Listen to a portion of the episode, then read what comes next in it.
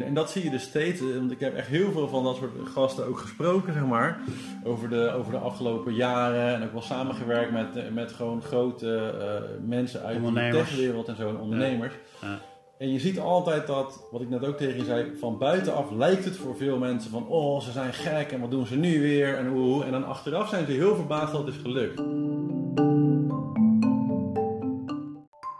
Welkom beste motorblokjes bij de derde aflevering van deze podcast. Vandaag spreken we met Florian Roos. Hij is schrijver van het boek Zo leert u alles drie keer sneller. Waarbij het gaat om principes en praktijk van extreem leren. Florian werkte met grote klanten, zoals Tesla. En hij vertelt hoe hij ze meeneemt op zijn lessen om dingen uh, snel en effectief te leren. Hij is het beste bewijs dat je zelf ook uh, dingen kan leren. Dus hij maakt zijn handen vuil, zullen we maar zeggen. Hij speelt saxofoon. Uh, hij is zeezeiler, wat hij zichzelf geleerd heeft in, ik geloof, drie jaar. Hij heeft een grote galerie. En hij is net ook een uh, YouTube-kanaal begonnen waar hij uh, veel over vertelt, zullen we merken. En terecht, de sponsors staan al in de rij daarvoor, tot zijn verrassing. Ik zocht hem op in zijn appartement op de Albert Kuip. En af en toe hoor je ook hoe de Kuip opgeruimd wordt. Laten we luisteren naar Florian. En daarin pas je de kennis toe van je boek. Ja. Neem ik aan. Kan je daar iets meer over vertellen? Wat is dat sneller leren? Nou, dat boek heet dus uh, Zo leert hij alles drie keer sneller. En daarin beschrijf ik een techniek die ik dan, uh, ik noem het extreem uh, leren. En er is altijd heel veel verwarring daarover, want mensen noemen ook wel Jim Quick en inderdaad Tim Ferriss en dat soort figuren, die, die eigenlijk iets totaal anders doen, zeg maar. Maar dat heeft allemaal een beetje met elkaar te maken, dus daar word ik altijd op een hoop mee gegooid. Vind je dat vervelend? Dat nee, nee, nee, dat is gewoon, dat is gewoon hoe het gaat. Dat is hoe het gaat. Als je niet weet wat precies de inhoud is, zeg maar, dan is het heel makkelijk om om dingen zeg maar, in dezelfde categorie. Dus ik snap die categorisering ook wel. Uh, maar Jim Quick is iemand die echt op geheugen zit. Die gaat over snel geheugen ontwikkelen en een heel goed geheugen dus gebruiken om dingen goed te kunnen onthouden. En dan kan je dus sneller leren. Ja. Dat is eigenlijk hoe die, hoe die loopt. Uh, Tim Ferriss is meer een, een, een, lifestyle ding, zeg maar. Maar dat gaat ook over keuzes, filosofie, et cetera. Terwijl ik veel meer zit op een meer ja, heel wetenschappelijke hoek. En dat is gewoon de vragen eigenlijk beantwoorden van uh, hoe wordt een mens eigenlijk slimmer? Wat is nou eigenlijk het proces waar je gaat van ik kan iets niet, ik weet iets niet, naar ik kan iets wel en ik weet het wel. En daar zitten een aantal stappen tussen. En meestal als ik ook voor een grote zaal sta of zo, begin met een verhaal, dan is altijd een van de eerste vragen die ik stel. Van uh, hoe wordt de mens eigenlijk slimmer? Hoe doen we dat? En dan zit die, altijd de hele zaal uh, zit vol met ideeën. Maar niemand heeft eigenlijk het goede antwoord erop, omdat die vraag nooit eigenlijk goed wetenschappelijk is uh, onderbouwd en beantwoord. En heb jij die zelf ooit helemaal uitgezocht? Ja, nou, dat, dat is dus eigenlijk waar mijn, uh, waar mijn boek uh, over gaat. En dat is ook wel, denk ik, waar de interesse van dus dat soort grote techbedrijven vandaan komt, omdat het wel degelijk ook echt werkt wat ik doe.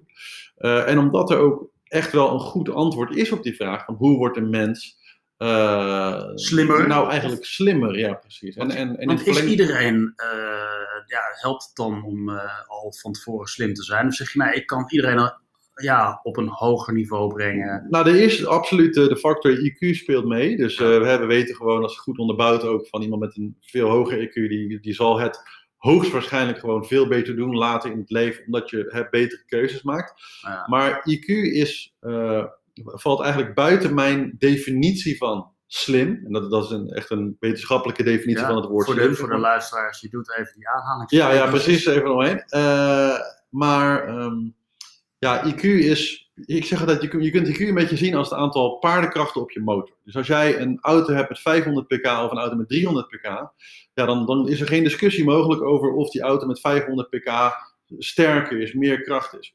Maar dat wil nog niet per se zeggen dat die auto ook sneller is. Sneller optrekt dan die andere. Want het ligt ook hoe die pk's zich vertalen naar de banden, naar de weg en al dat soort andere dingen.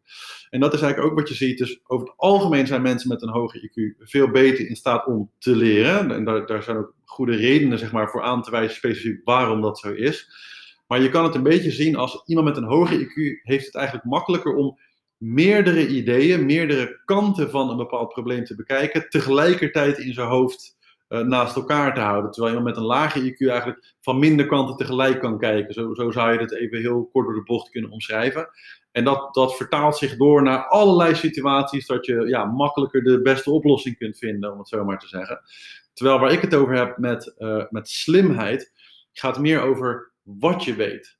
En hoe je, hoe je dat leert, uh, zeg maar. Dus uh, ik definieer... Is dit de oplossing, of dit is, dit is de aanpak die jij zelf hebt ontwikkeld in, ja. Met de wetenschappelijke achtergrond? Precies, ja. ja dus Hoe, hoe, beschrijf jij nu, ik ben gemiddeld slim, misschien nog iets slimmer dan gemiddeld, ik zit er lekker in in die zaal, ik wil iets nieuws leren en ehm, wat is dan, ja, misschien in een notendop jouw filosofie? Nou, eigenlijk begint het met de vraag: hoe slim ben je eigenlijk op dit moment?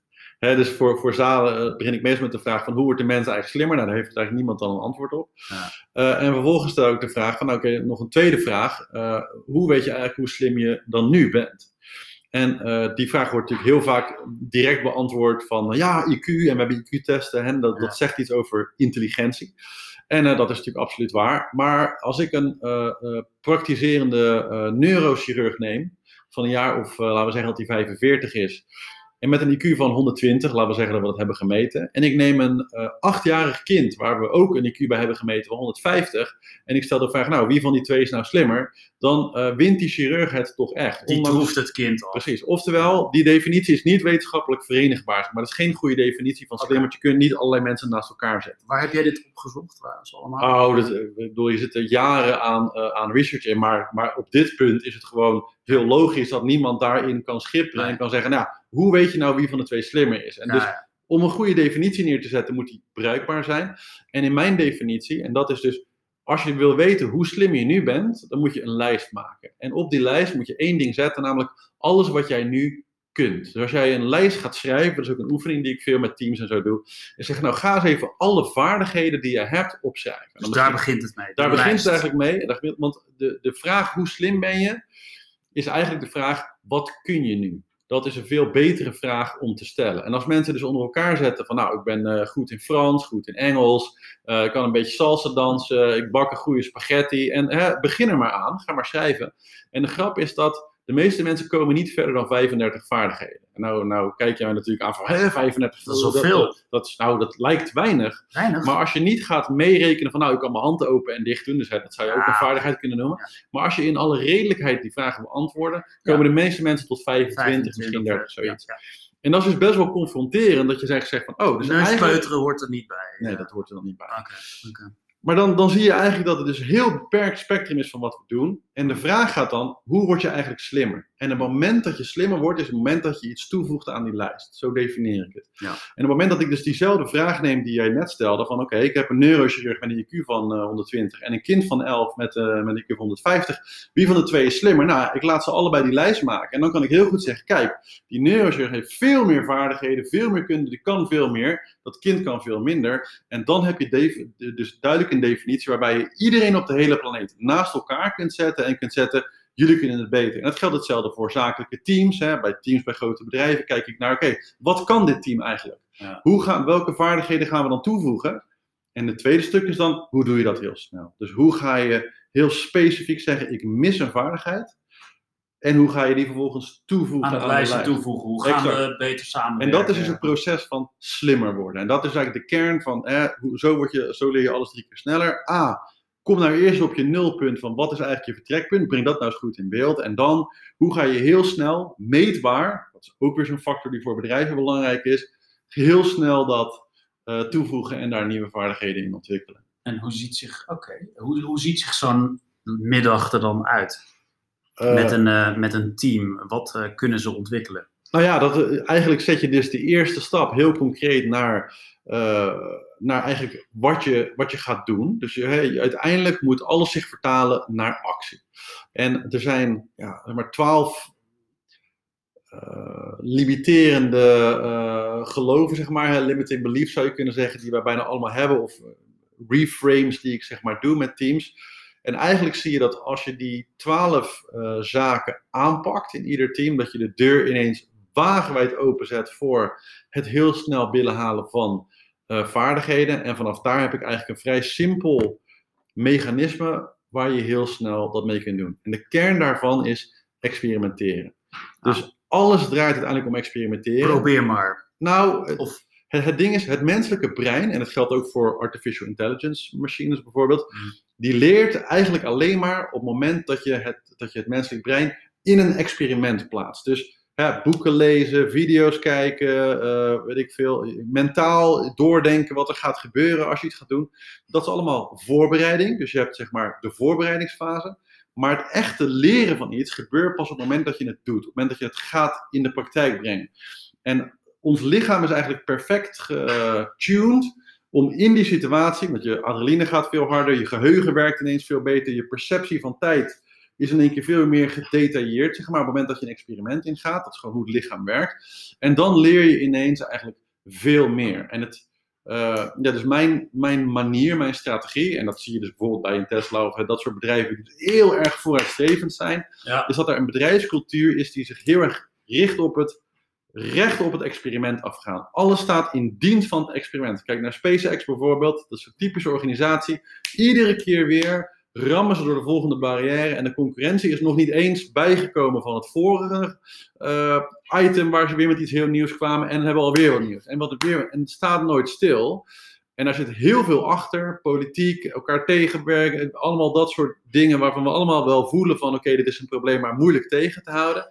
En op elk van die punten heb ik eigenlijk heel erg precies gedefinieerd wat er misgaat, politiek gezien, uh, managerieel gezien, om al dat soort obstakels opzij te brengen en opzij te houden. En te zorgen, zo hou je het pad naar het volgende experiment open en kort. In de vorige podcast met Rogier Gielen had hij uh, ook over dit soort uh, trajecten met mensen individueel. En dan noemde hij dat de saboteurs. Ja, dus, ja. Uh, dat proef ik ook bij jou. Ja, dus, ja, ja. Jij zit bij een bedrijf. Um, laten we het even concreet dan proberen het voor me te zien. Hè? Ja. jij doet dat bijvoorbeeld bij Microsoft of zo. Die huurt jou in een middag. Ja. En uh, je begint die sessie, je legt uit, jongens, uh, slimheid is meer die lijst met vaardigheden. Uh, laten we er één bij, of, of twee, hè, lukt je misschien in de middag.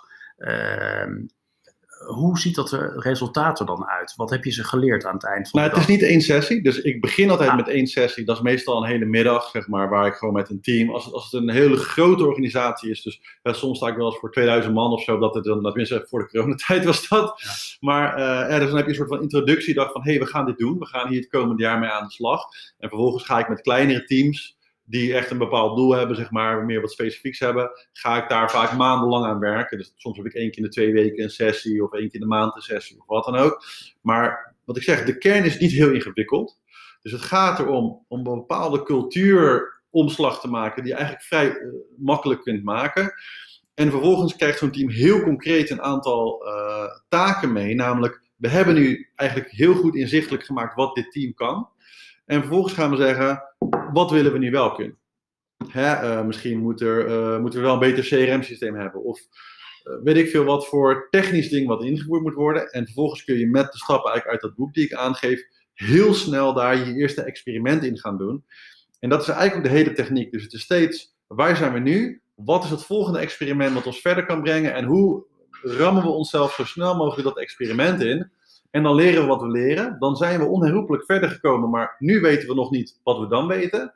En dan zijn we weer nog beter in staat om te zeggen, wat moet het volgende experiment worden? En zo blijft zo'n team vervolgens doorklappen. Uh, en dan zie je heel snel uh, dat dingen veranderen. Dan zie je heel snel uh, resultaat. En ook bij persoonlijke, ik heb mensen in, in, in zeg maar privé-workshops gehad met kleine groepjes.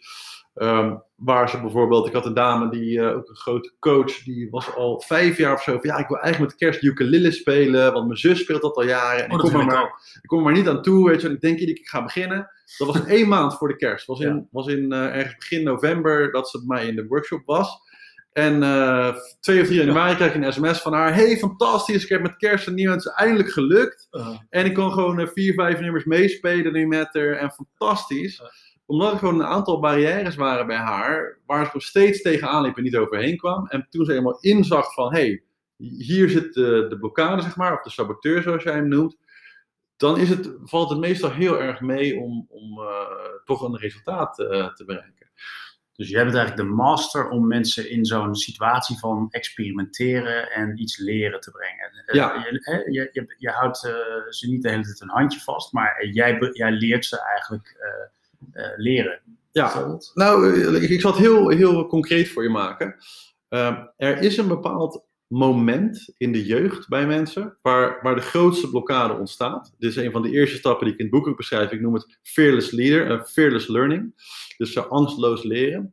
En het probleem is dit. Op het moment dat kinderen klein zijn, van een jaar of 1 tot een jaar of 12, Ehm, zijn ze heel erg open. Dus Ben wil constant experimenteren. Wel met alles proeven, in je mond stoppen, aanraken, testen, et cetera. Maar moet je indenken, vanaf jongs af aan. Hè? Dus ik, ben een klein kind. Ik zit, eh, laten we zeggen, in een park op een doek. En er is een sloot in de buurt en een kampje, want ik ben met mijn familie daar. En de gedachtegang is ongeveer, hé, hey, dat vuur, dat knappert wel mooi. Dat schittert wel mooi. Ik moet er even naartoe. Ik wil het aanraken, proeven. En dan meteen de ouders, nee, nee, nee, kijk uit. Eh, pas op, weet je wel. Ah, oh, dat water, dat ziet er wel schitterend mooi uit. Ik moet even kijken in die schil. Hey hé, hé, kijk uit. En eigenlijk, eh, er is een, een mooi boek, eh, het heet eh, Feel the Fear and Do It Anyway. Een, mooie wetenschapster. En die vond uit Ik zal dat eh, dan eronder vermelden. Ja, ja, show notes. Feel, die- feel the feel the fear, and do it anyway. anyway. En eh, die, eh, die vond eigenlijk uit dat voor elke eh, positieve, hey, goed gedaan jongen, weet je wel, tof, hebben kinderen gemiddeld zo tussen de 100 en iets van 500 negatieve reinforcements te verduren. En wat er eigenlijk gebeurt is dat de natuurlijke nieuwsgierigheid en menselijke drang naar leren, naar jezelf ontwikkelen, naar proberen, naar puur experimenteren, dat er een soort Pavlov-reactie ontstaat. Iedere keer als we denken, hé, hey, ik ga wat doen, meteen die ouders op je schouders. En als je jong bent is dat logisch, maar na een jaar of 12, 13 hè, word je wat meer volwassen. Maar dan zit het bij de meeste mensen er zo diep in, dat zij denken, hey, ik wil dit doen. Ah, nee, ik moet, ja, ik moet, nee, ik moet een leraar hebben, ik moet iemand hebben die me daarbij helpt. Want die, die ouders zitten zo diep van binnen over hun schouders eigenlijk in te fluiten van, nee, kijk uit, niet alleen doen, pas op, eng, bla, bla, gevaarlijk. Dat ze niet meer naar een experiment toe kunnen. Ze moeten via een coach of een weg of iemand die ze alles uitlegt. En ze durven het gewoon niet meer zelf te doen. En dat zie je in organisaties hetzelfde. Ze moeten eerst naar de advocaat, eerst naar legal, die moet helemaal doorzagen. Dan, en nou, dan, dan werkt het niet. Dus ik begrijp het. Dus in de organisaties zijn die afdelingen, die stafafdelingen, legal, eh, compliance, die remmen het weer af. En heb je de, eh, la- zo zie ik het dan even. Dat zijn een beetje de saboteurs. En eh, je moet natuurlijk in een soort lab, alle innovaties, die moeten daar vrij van zijn. Eh, zo, eh, zo, zo koppel ik het even terug naar hoe ik bedrijven heb gezien. Mhm, Ja. Eh, dan haal je zo'n jongen binnen als jij. Eh, wat, wat ik me afvroeg, hè, hoe was dat dan bij jou thuis vroeger? Wat, heb jij daar last van gehad? Of was jij juist in zo'n omgeving dat alles mocht en eh, probeer maar. Nee, ik denk het tegenovergestelde. Ik had een soort mix van beide. Dus mijn, mijn vader is heel erg van, hè, was een schoolleraar en schooldirecteur. Dus nou, je snapt ongeveer, eh, zeg maar, wat daar, eh, hoe, hoe, hoe, hoe strikt dat kon zijn. Terwijl mijn moeder juist exact het tegenovergestelde was. Die was veel meer van, hey, neem niet dingen zomaar van mensen aan. Experimenteer zelf, kijk zelf, check het zelf. Dus ik had heel erg die twee de vrije geest. de werelden. Ja, eigenlijk. En dus ik heb heel erg het verschil tussen die twee gezien. Dus ik snap aan de ene kant, hè, ik heb zelf ook bedrijven, personeel dingen, dus ik snap heel erg waarom legal en dingen en zo allemaal nodig zijn. Alleen, eh, ja, er, er is iets heel erg mis met de standaardreactie dat als er iets misgaat in een bedrijf, gaat het nooit mis volgens de protocollen, want het gaat altijd net anders mis. Dus die protocollen die we dan hebben geschreven, die zijn altijd waardeloos. En wat zeggen mensen dan nadat iets misgaat? Ja, we hebben nog meer protocollen nodig, terwijl je eigenlijk al weet dat die nooit gaan werken. Dus je kunt veel beter een organisatiecultuur, zoals je bijvoorbeeld bij Tesla of bij SpaceX hebt, eh, cultiveren. Waar je zegt, jongens, het gaat elke dag mis. Wij weten dat het elke dag misgaat. De vraag is, hoe gaan we daarmee om? En we weten dat het misgaat. Vandaag ben ik het, morgen ben jij het. En we moeten gewoon allemaal steeds naar elkaar toe lachen en elkaar feliciteren als het misgaat. Want daardoor worden we beter. En we gaan niet elkaar de boeman toespelen, schuldvragen, zo doet er allemaal niet- niet toe. Wij zijn een innovatief bedrijf. Wij knallen voorwaarts. En daar horen gewoon fouten bij. Ja, dat ze die ruit insloegen bij de auto, eh, raketten opgeblazen en zo. Heb je ze ooit zien huilen of rechtszaken zien starten om uit te vinden hoe... Nee, door, knallen. Dat is de toekomst en dat is eh, echt innovatief bezig zijn. En dat is wat heel veel organisaties nu beseffen van... Dat hebben we nodig, anders word je rechts en links door allerlei bedrijven gewoon voorbijgelopen die het wel snappen, die dat wel doen. Ja, ik kan me inderdaad voorstellen dat Elon Musk eerder boos is op legal dan dat hij eh, boos is als er een raket ontploft. Nou, ik zou je zeggen, ze hebben letterlijk een policy. eh, dat als jij geen pogingen doet om jouw eigen functie te verbeteren en obsolet te maken, dan word je ontslagen. Heb jij gewerkt met Tesla? Uh, uh, een van de partijen waar ik uh, af en toe mee werk, ja. En, en ja, dat is gewoon een, een policy die zij, die zij hebben. Wat heb je nou jezelf eigenlijk geleerd op deze manier? Kan je daar één ding over vertellen? Nou, bijna alles. Een, een van de dingen waar ik natuurlijk heel veel, nou, nu, nu dan met het zeilkanaal. Vier jaar geleden had ik nog nooit gezeild. Uh, nou, inmiddels ben ik de eigenaar van twee zeilboten van 10 en 12 meter. Maar ben ik ook een vervent solozeiler. heb ik uh, verschillende zeezeilen gezeild. Doe ik af en toe een wedstrijdje mee. En uh, ben ik nu hard onderweg om dus een van de grotere experts, vloggers te worden over de grote zeilracen in de wereld en zo. Welke volg jij op dit moment? Ik ben nu dus met de, de uh, rond de wereld uh, ben ik aan het uh, vloggen. Sea Wolves is de naam van de vlog voor YouTube voor mensen die dat willen bekijken. En, en dat is ook iets van ja, daar ben ik gewoon mee begonnen. En ehm, ja, dat, dat, dat is zeg maar, ik heb daar allemaal diploma's en dingen allemaal nu ook wel voor. Maar die heb ik allemaal gehaald nadat ik dat zeilen al kon en gewoon het water op was gegaan. En ik heb nooit één zeilles gehad, bij wijze van spreken. Van spreken. Het is toch een beetje die filosofie van die moeder die uh, heeft gewonnen? Of, uh, nee, het... nee, het is uh, zeg maar goed kunnen experimenteren. Nou, je, je vroeg het eerder al, ik werk dus ook met Laura Dekker bijvoorbeeld, hè, het zeilmeisje. Ik heb met haar hele goede gesprekken hierover gehad, ook met haar ouders. En dat is dus ook een typisch voorbeeld van een kind dat is opgevoed in een omgeving waar papa steeds zei, als zij zei, ik wil iets doen, zei hij ja, ik weet niet of dat zo'n goed idee is, maar als jij denkt dat het een goed idee is, laat mij maar zien dat je dit experiment goed hebt voorbereid en dan kan het. En, dus het... en dan mocht ze voor het eerst volgens mij de Noordzee over. Hè? Ja. Dat was haar eerste grote proef. Bijvoorbeeld, ja. Nou, er, waren, er zitten tig andere Tig kleinere andere dingen voor. Maar dat weet ik al. Ja, dat, Ja, dat ja. las ik een keer. Ja, maar dat is waar het publiek eh, aware werd. Ja, ja, ja. Mooi. Jij hebt heel veel interesses. En daar is soms ook kritiek over. En Tim Ferriss heeft daar ook wel iets over Ja. gezegd. Doe nou juist vooral veel dingen. Mhm. Ja, klopt. Waarvan eh, de schoolmeester misschien zegt, word nou goed in één ding. Ja, ja, ja. Maar wat is nou jouw filosofie daarover? Ja, ik ben er nog niet uit. Ik vind dat een van de grote mysteries in het leven, zou je kunnen zeggen. Het is bijna soort filosofisch eh, ding. Ah, heerlijk.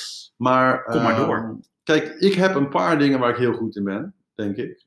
Eh, en misschien, eh, maar je zou ook kunnen zeggen één ding waar ik heel goed in ben. En dat is, eh, dat is experimenteren. En, en experimenteren betekent alleen maar dat je jezelf heel goed kent. En dat je dus heel goed risico's en dingen kunt inschatten voor jezelf. Want ik weet wat ik aan kan, wat ik wel kan proberen, wat ik niet kan doen. En de mensen die daar dus minder ervaring mee hebben ook, die zijn daar ook slechter in. Dus als je voor het eerst gaat experimenteren, dan moet je ook verwachten dat je gewoon schade oploopt en problemen hebt. En iemand als Laura of als ik of Ilan of wat, die, die dat al heel hun leven eigenlijk doen, die zijn daar gewoon beter in. Dus die doen allerlei dingen. Ik maakte het ook regelmatig mee toen ik begon met zeilen, toen ik voor het eerst de zee op ging. Nou, toen zeilde ik letterlijk drie weken of zo. Dat heel veel mensen me echt voor gek verklaarden. Van, hoezo denk je dat je dit nu al kan? Je bent gevaarlijk bezig, dit is het niet, ja, dada. Terwijl voor mij was op dat moment gewoon, nee, dit is het volgende experiment. Ik heb al die andere dingen die hier naartoe leiden al gedaan. Ik had een bepaald doel. Ik wil kunnen solo zeilen, zelf op een grote boot allemaal kunnen handelen. En ik was op weg, op de kortste weg naar die vaardigheid toe. En uh, ja, na een week of drie was ik er gewoon klaar voor om daarmee te beginnen. Omdat ik de experimenten die daarvoor zaten gewoon met succes had afgerond. En dus de, de kennis en inzichten die ik wilde vergaren op dat gebied had. En natuurlijk bouw je nog veel meer op over de jaren, et cetera. Maar ja, het hoeft allemaal echt niet zo lang te duren. Had En dat die je- eh, alarmvuurpijl wel getest even van Ja, ja, ja, nee, eh, zeker. Maar dat, dat zie je steeds. Dus dat zag je bij Laura toen ze rond de wereld ging. Zie je bij Ilan keer na keer dat ze zeggen van... Nee, moet je niet doen, dit gaat te ver. Nu ga je echt te ver. Nu gaat het echt niet meer lukken. En iedere keer zie je dat hij de odds gewoon eh, eh, biedt. En als iemand mij twee weken geleden had verteld van... Ja, over twee weken heb je een huge YouTube-kanaal over zeilen. met, met sponsors. Dan hadden mensen me ook voor gek verklaard. ja, wat gaat hij nou weer doen? Precies, dus dat is, Ah. dat is altijd een beetje het standaard verhaal. Wat achteraf mensen zeggen. eh, ja, dat is gewoon een inzicht wat je zelf hebt van ik kan dit, ik denk dat ik het kan. En dan ga je ervoor en dan meestal blijkt het dat je het eigenlijk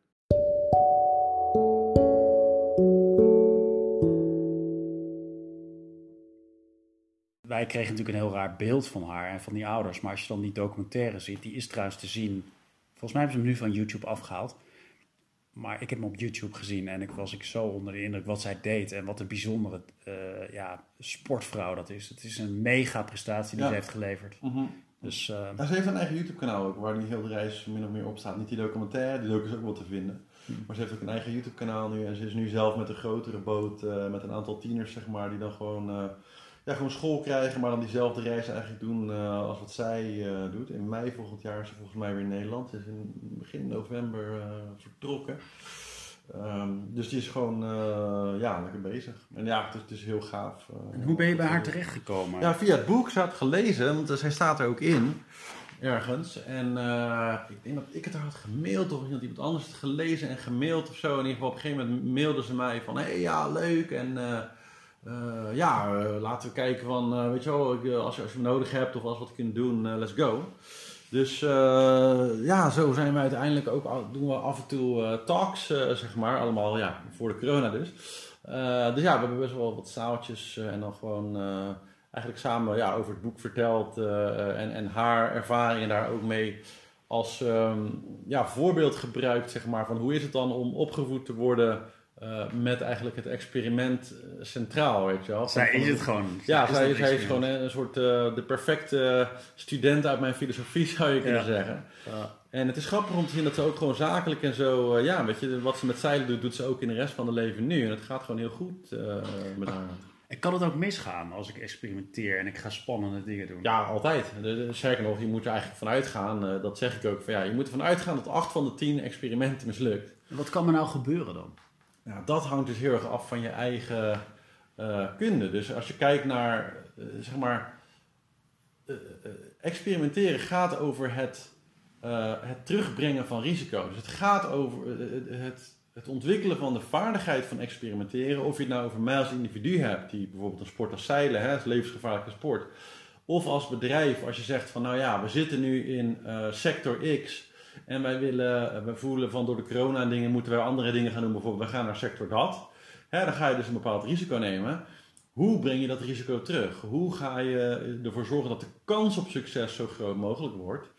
Uh, en ga je dus de eventuele negatieve dingen die zouden kunnen gebeuren goed afdekken? Ja, dat doet me denken aan Richard Branson. Die uh, schrijft dat in zijn biografie toen hij met die trein begon. Ja, ja, ja, dat hij zei van mensen denken dat ik altijd alleen maar gekke dingen doe en het zomaar probeer. Ja, maar hij dekt zijn risico's. Ja, maar dat is het vieze ding. En dat zie je dus steeds. Eh, want ik heb echt heel veel van dat soort gasten ook gesproken, zeg maar.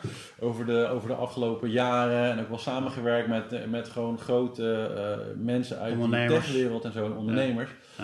En je ziet altijd dat, wat ik net ook tegen je zei, van buitenaf lijkt het voor veel mensen van, oh, ze zijn gek en wat doen ze nu weer en hoe. En dan achteraf zijn ze heel verbaasd dat het is gelukt. Terwijl hè, uh, een Ilan of wat dan ook, die, die zijn er vanaf het begin af aan overtuigd dat het lukt, omdat ze gewoon zien dat het kan. Omdat ze zien dat die mogelijkheid er gewoon ligt om het te doen. Um, en, en dan bak je het gewoon uh, voor elkaar. En dan voelt het ook helemaal niet als iets heel bizars of zo. Want je, je had vanaf het begin gewoon gezien van zo werkt het, dit kan er misgaan. Nou, risico is het waard, we gaan het doen. En je had de trekker over en dan, ja, weet je wel, als je dat goed doet, heb je meestal wel een 50-50 kans of zo op, eh, op succes. Wat in mijn ogen gewoon heel groot is. En dat betekent dat je doet twee, drie experimenten en dan heb je gewoon gegarandeerd een succesje. En dat is, dat is enorm hoge kans om uh, te slagen. En dat is waar je zowel voor jezelf als als team uh, naartoe wilt.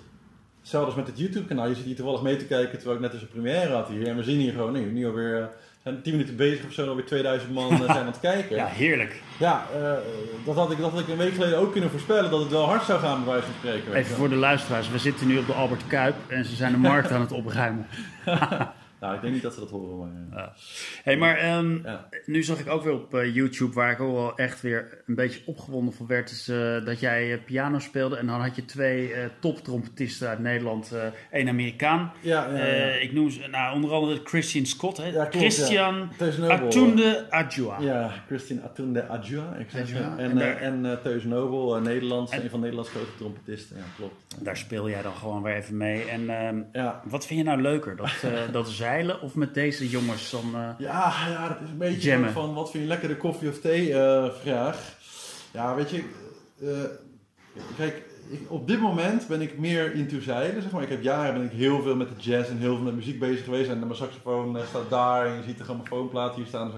Dus ik ben absoluut een audiophile en ik hou heel erg van, van muziek en ook van muziek maken.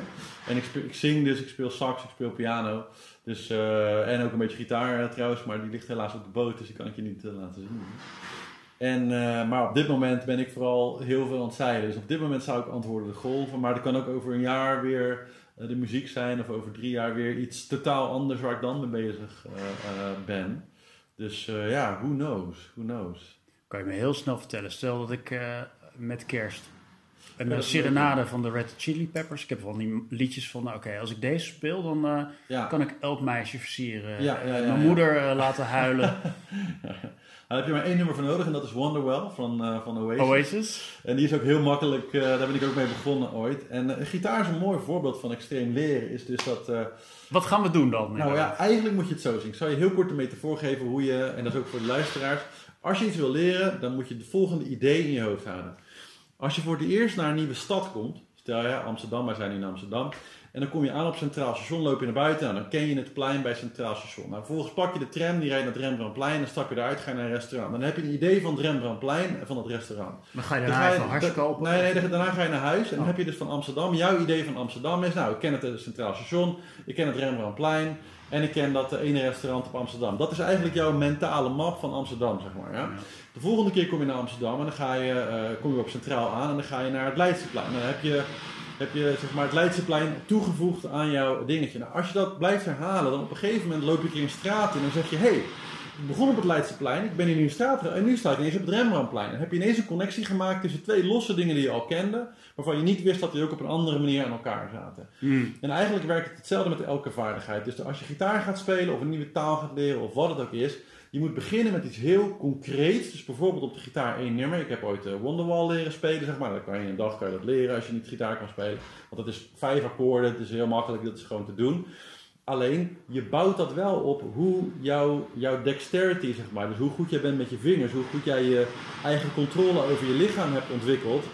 Dat is een vaardigheid waar bovenop liggen dingen als gitaar spelen, piano spelen, sporten, etc. Dus als jouw basisontwikkeling van hoe je in je eigen lijf staat matig is, dan zullen al dat soort andere dingen moeilijk worden, snap je? En dat, daarmee heb je die lijst van vaardigheid nodig omdat je dan kunt kijken, oké, waar liggen die zwaktes en hoe kun je in veel meer dingen goed worden. Nou, mijn controle over mijn lijf is goed, dus ik heb niet zoveel problemen met als een akkoord of wat, kom ik wel uit in een dag. Ik denk dat jij dat ook wel kan.